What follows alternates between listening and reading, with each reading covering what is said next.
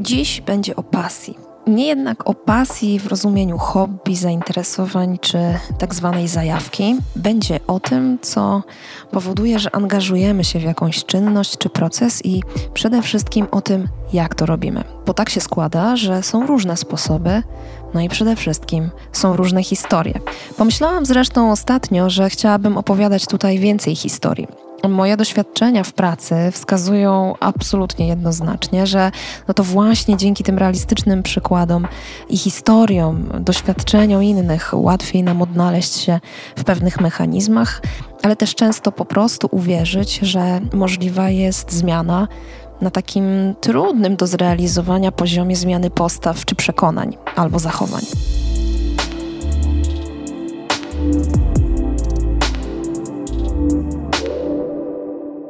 Jeżeli o te historie chodzi, o te przykłady chodzi, to weźmy chociażby mój ostatni tydzień, bo kiedy przygotowywałam się do nagrania tego odcinka, a to jest odcinek dla mnie bardzo ważny, bo to jest taki temat, który absolutnie na bieżąco pojawia się w mojej pracy, to natknęłam się zupełnie przypadkiem podczas takich codziennych, rutynowych przeglądów e, informacji na dwie historie dwa przykłady. Pierwszy to przykład Joanny Schwab, skoczkini narciarskiej, który opisany jest w takim, może nie wywiadzie, bo to bardziej jest felieton spisany przez Michała Chmielewskiego, z TVP Sport.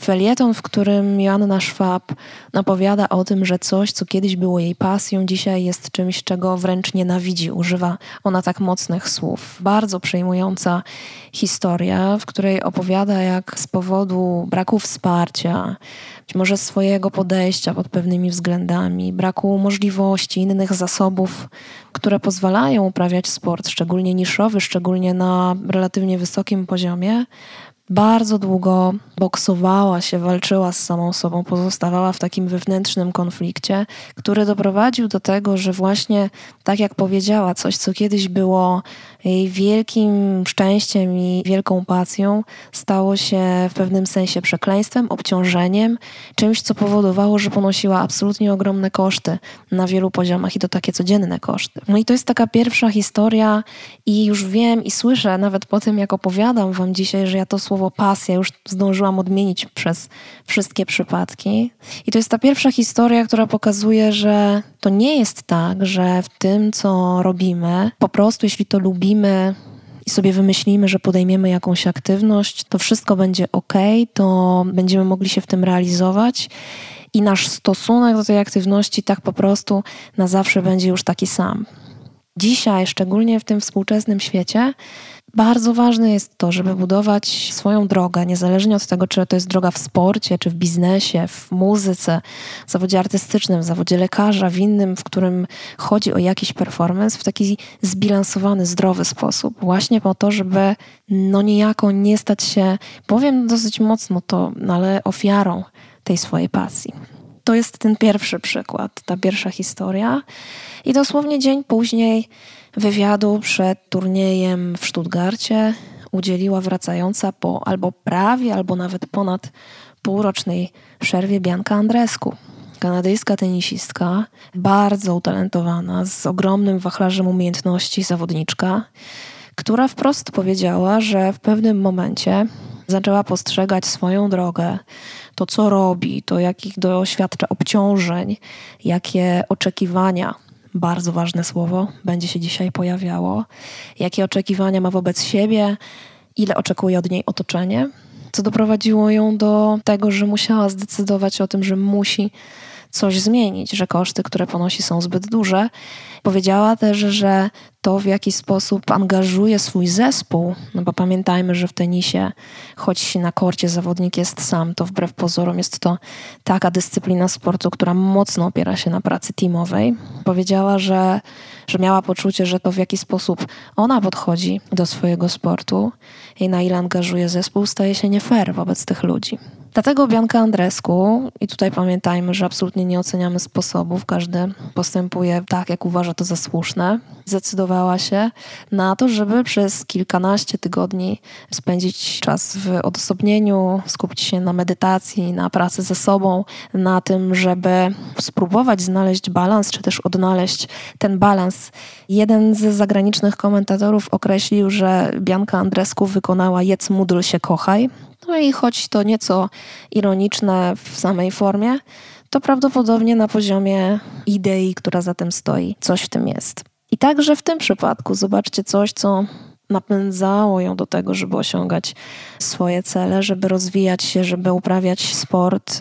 Stało się w pewnym sensie obciążeniem na tyle, że stanęła pod jakąś ścianą. Koszty były tak duże, że postanowiła o siebie zadbać.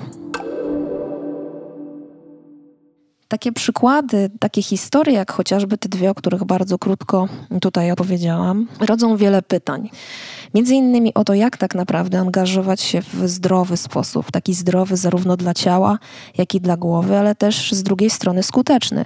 No bo nie ukrywajmy i pamiętajmy przecież, że mówimy o obszarze high performance, w którym zależy nam na tym, żeby jakiś wynik osiągać, wynik w warunkach zwiększonego napięcia.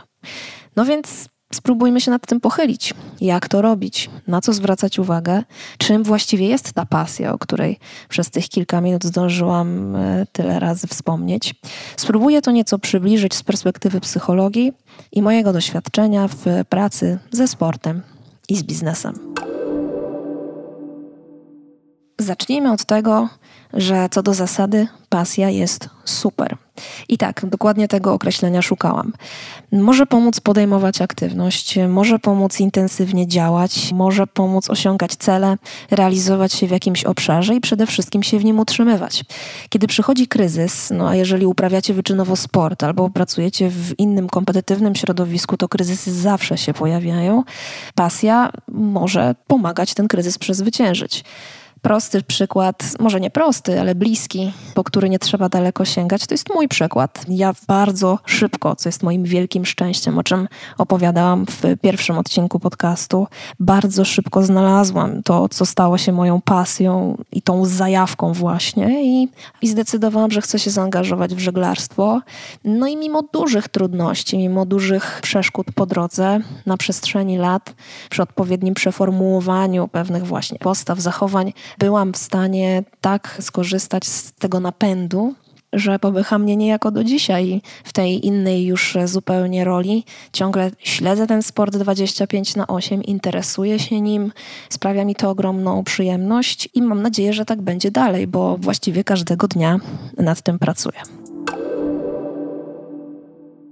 Psychologii mówimy o pewnym bardzo istotnym rozróżnieniu między pasją destrukcyjną i rozwijającą. I to jest ten poziom definicyjny, który jest bardzo istotny. No i po samym określeniu pewnie możecie wyczuć różnicę, która z nich jest bardziej konstruktywna, a która może rodzić czasami spore koszty. Pasja destrukcyjna, bo od niej zacznę, jest ściśle związana z dążeniem do perfekcji i taką bardzo silną potrzebą kontroli. To są bardzo ważne pojęcia. Pozostając w środowisku sportowym, zawodnik chce kontrolować to, co się dzieje w nim i wokół niego. Często skupia się w konsekwencji na czynnikach, na które nie ma wpływu. Idąc dalej w tym opisie, ten sportowiec zakłada, że jeżeli będzie perfekcyjnie wykonywał wszystkie elementy treningu, dążył do perfekcji w dbaniu o siebie, w swoim rozwoju, to osiągnie swoje cele, czyli osiągnie mistrzostwo. No i to jest perfekcjonizm, który prowadzi do no jednak niekonstruktywnego podejścia do rozwoju, a tym samym i do sportu. Bo każde odstępstwo od założeń nieopracowanego planu sprzyja pojawianiu się napięcia i stresu, takiego, które spowodowane jest trudnymi emocjami, frustracją, rozczarowaniem, brakiem satysfakcji, niezadowoleniem, czasami złością, czasami smutkiem. No I sportowiec na drodze ku celom przestaje często dostrzegać w konsekwencji, że kiedyś tam jakiś czas temu to sama podejmowana przez niego aktywność sprawiała mu przyjemność, no i że nadal robi to, co po prostu fundamentalnie lubi. Gdy zawodnik zakłada takie metaforyczne klapki na oczy, to często wpada w pewną spiralę wymagań, oczekiwań, no właśnie presji, stresu. I to powoduje właśnie, że jego pasja, która z założenia miała prowadzić go do spełniania marzeń o mistrzostwie, staje się dla niego destrukcyjna.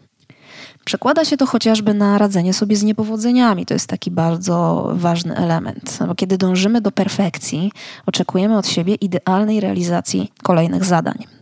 Gdy doświadczamy niepowodzenia, szybko zaczynamy obwiniać siebie, odczuwać właśnie frustrację, złość, rozczarowanie. Czujemy się gorsi i co bardzo ważne, mniej wartościowi. Bo skoro nie umiemy wygrać, osiągnąć sukcesu, a przecież dążymy do perfekcji, to zaczyna się pojawiać taka myśl i kiełkować w głowie, że to oznacza, że jesteśmy słabi.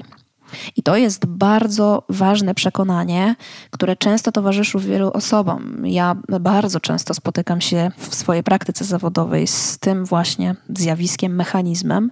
W dążeniu do własnych celów i realizacji tak bardzo ludzie oczekują sukcesu, że kiedy go osiągają, to czują się po prostu w cudzysłowie ok, że wypełnili założenia, ale jednak kiedy przegrywają albo ponoszą niepowodzenie, czy nie realizują celu, czują się gorszymi ludźmi. I tak, i to jest aż tak silne, że pojawia się takie określenie. Zwróćcie uwagę, jak właśnie silnie uderza to w taki bardzo podstawowy poziom tożsamości. W związku z tym, że dążenie do perfekcji, napięcie, oczekiwanie od siebie rezultatów i takiego maksymalnego wykonania są tak silne, w tym rodzaju pasji stosunkowo łatwo jest to przepracowanie, w przypadku sportu przetrenowanie, a w konsekwencji wypalenie. Tutaj na pewno warto zauważyć i podkreślić, że szczególnie w sporcie coraz więcej zjawiska wypalenia i przykładów wypalenia pojawia się wśród młodzieży. To jest taki bardzo niepokojący dla nas sygnał, który już od dłuższego dłuższego czasu jednoznacznie świadczy o tym, że bardzo ważne jest podjęcie dyskusji i wprowadzenie zmian w szkoleniu. Zachęcam Was, żebyście zastanowili się właśnie w tym miejscu nad tym, co popycha Was do osiągania celów i czy ten napęd nie kosztuje Was zbyt wiele. Czy przypadkiem nie odczuwacie tego długotrwałego napięcia i braku satysfakcji, które powodują, że ponosicie duże koszty? I czy gdy pojawia się trudność, to Waszą receptą nie jest przypadkiem więcej pracować, przyjmować na siebie więcej obciążeń? Łatwo bowiem w tym rodzaju pasji właśnie wpaść w pewnego rodzaju spirale pracy, braku odpowiedniej regeneracji, napięcia i trudnych emocji, które rodzą wyżej wspomniane koszty.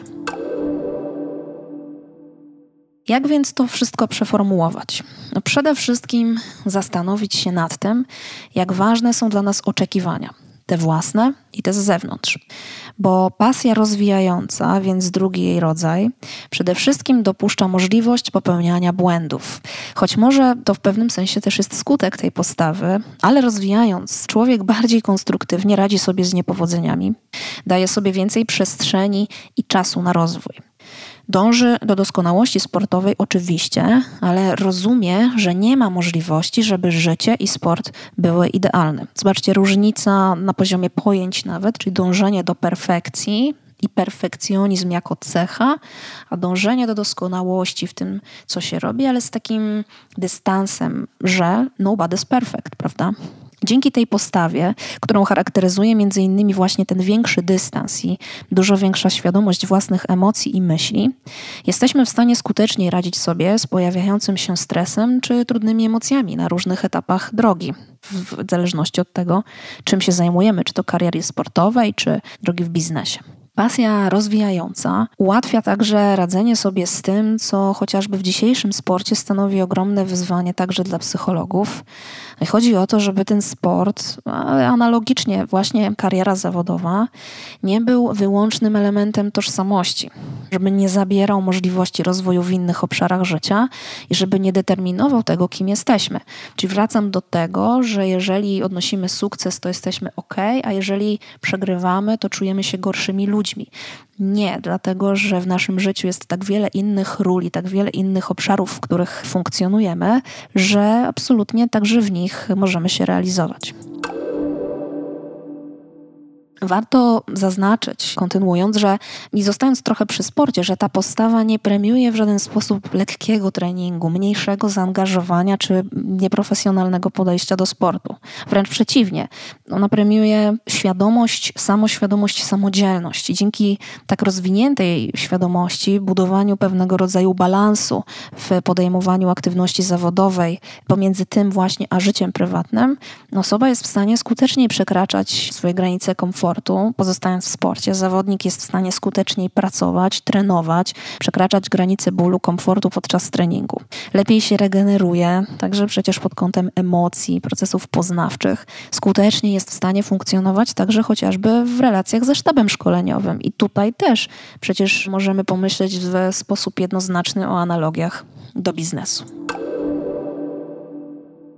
żeby dać jedną konkretną wskazówkę komuś, kto pyta, no okej, okay, ale to jak w takim razie zamienić jedno na drugie? No bo teoria teorią mówię wtedy. Spróbuj przenieść, i to jest takie określenie, którego często używam, tak zwany punkt ciężkości koncentracji, takiego fokusu z oczekiwań na standardy. To jest w ogóle taka fraza, którą ja już kiedyś mówiłam w tym podcaście, która pojawiła się kiedyś w jednym z wywiadów Mikaeli Schifrin, która pytana o to, jak poradziła sobie z bardzo dużym napięciem podczas Igrzysk Olimpijskich w Pjongczang w 2018 roku, odpowiedziała, że dotarła do takiego punktu, w którym zrozumiała, że oczekiwania oczekiwania nie są jej absolutnie do niczego potrzebne, w ogóle nie pomagają. Myślenie o nich zabiera energię, którą może poświęcić na coś innego i że zmieniła podejście na tak zwane low expectations, high standards. I mówiłam też, już powtórzę się, że ja w swojej pracy mogłabym sobie absolutnie wytatuować to sformułowanie na czole, bo nie ma tygodnia, w którym nie pojawiałoby się w moich rozmowach z zawodnikami, trenerami, osobami pracującymi w innych środowiskach, czy w biznesie, czy chociażby w zawodach artystycznych. Więc warto pamiętać o tym, że znaczenie ma nie to, jak bardzo skupiasz się na perfekcyjnych wynikach, na realizacji celów, tylko masz wpływ na to, jak wykonujesz swoją pracę, która ma do tego doprowadzić.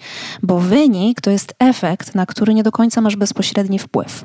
Możesz jednak kontrolować to, co i jak robisz począwszy od pracy, przez dbanie o siebie, regenerację ciała, jakościowe odpoczywanie, funkcjonowanie w relacjach, co jest bardzo ważne, i tak dalej, i tak dalej. Dzięki temu zdecydowanie łatwiej jest też zarządzać stresem i trudnymi emocjami, i o tym też warto pamiętać. Podsumowując już w pewnym sensie, to, że kierujemy się często pasją destrukcyjną, wynika w dużej mierze z tego, jak byliśmy wychowywani, a w sporcie także z tego, w jaki sposób byliśmy wprowadzani w świat aktywności fizycznej. No bo mówiono nam, jesteś tak dobry jak twój ostatni start, właściwie często się dalej mówi. Weryfikowano na podstawie ostatniej klasówki i oceny z tej ostatniej klasówki w szkole, czy porównywano do innych. Na ten temat prawdopodobnie mogłoby powstać kilka odcinków i pewnie tak się stanie. Warto pamiętać, że chociaż w dorosłym życiu zmiana niektórych przekonań i schematów bywa bardzo wymagająca, to jest jak najbardziej możliwa i pokazują to naprawdę liczne historie. Warto to zrobić i zadbać o siebie na tym poziomie, tym bardziej biorąc pod uwagę specyfikę współczesnego, bardzo wymagającego świata. Świata pełnego presji z zewnątrz, śrubowanych oczekiwań środowiska, czy w przypadku niektórych osób opinii publicznej, tendencji do tego, żeby robić więcej, szybciej i dokładniej. Dokłada nam się do tego też e, rzeczywistość post-covidowa, o czym warto pamiętać, z której z jednej strony w wielu przypadkach wychodząc na nowo próbujemy odnaleźć siebie w różnych obszarach, a z drugiej strony mamy poczucie bardzo często, że musimy nadgonić to, co zabrała nam pandemia. Podsumowując już naprawdę tak last but not least, bo to byłoby chyba tyle na dzisiaj, temat pasji będę wałkowała prawdopodobnie wielokrotnie. Pewnie głównie w rozmowach z tymi, którzy dokonali zmiany, widzą jakościową różnicę. No i jeżeli zastanawiacie się nad to, czy to jest recepta na uprawianie sportu, czy prowadzenie kariery zawodowej, to zdecydowanie nie. To jest konieczne, moim zdaniem, ale niewystarczające. Jednak zrozumienie i stosowanie idei pasji rozwijające jest tak niezmiernie ważne, szczególnie w dzisiejszych wymagających czasach, że on z pewnością w znaczący sposób przyczynia się do tego, jak budujemy świadomą karierę, zwłaszcza na wysokim poziomie.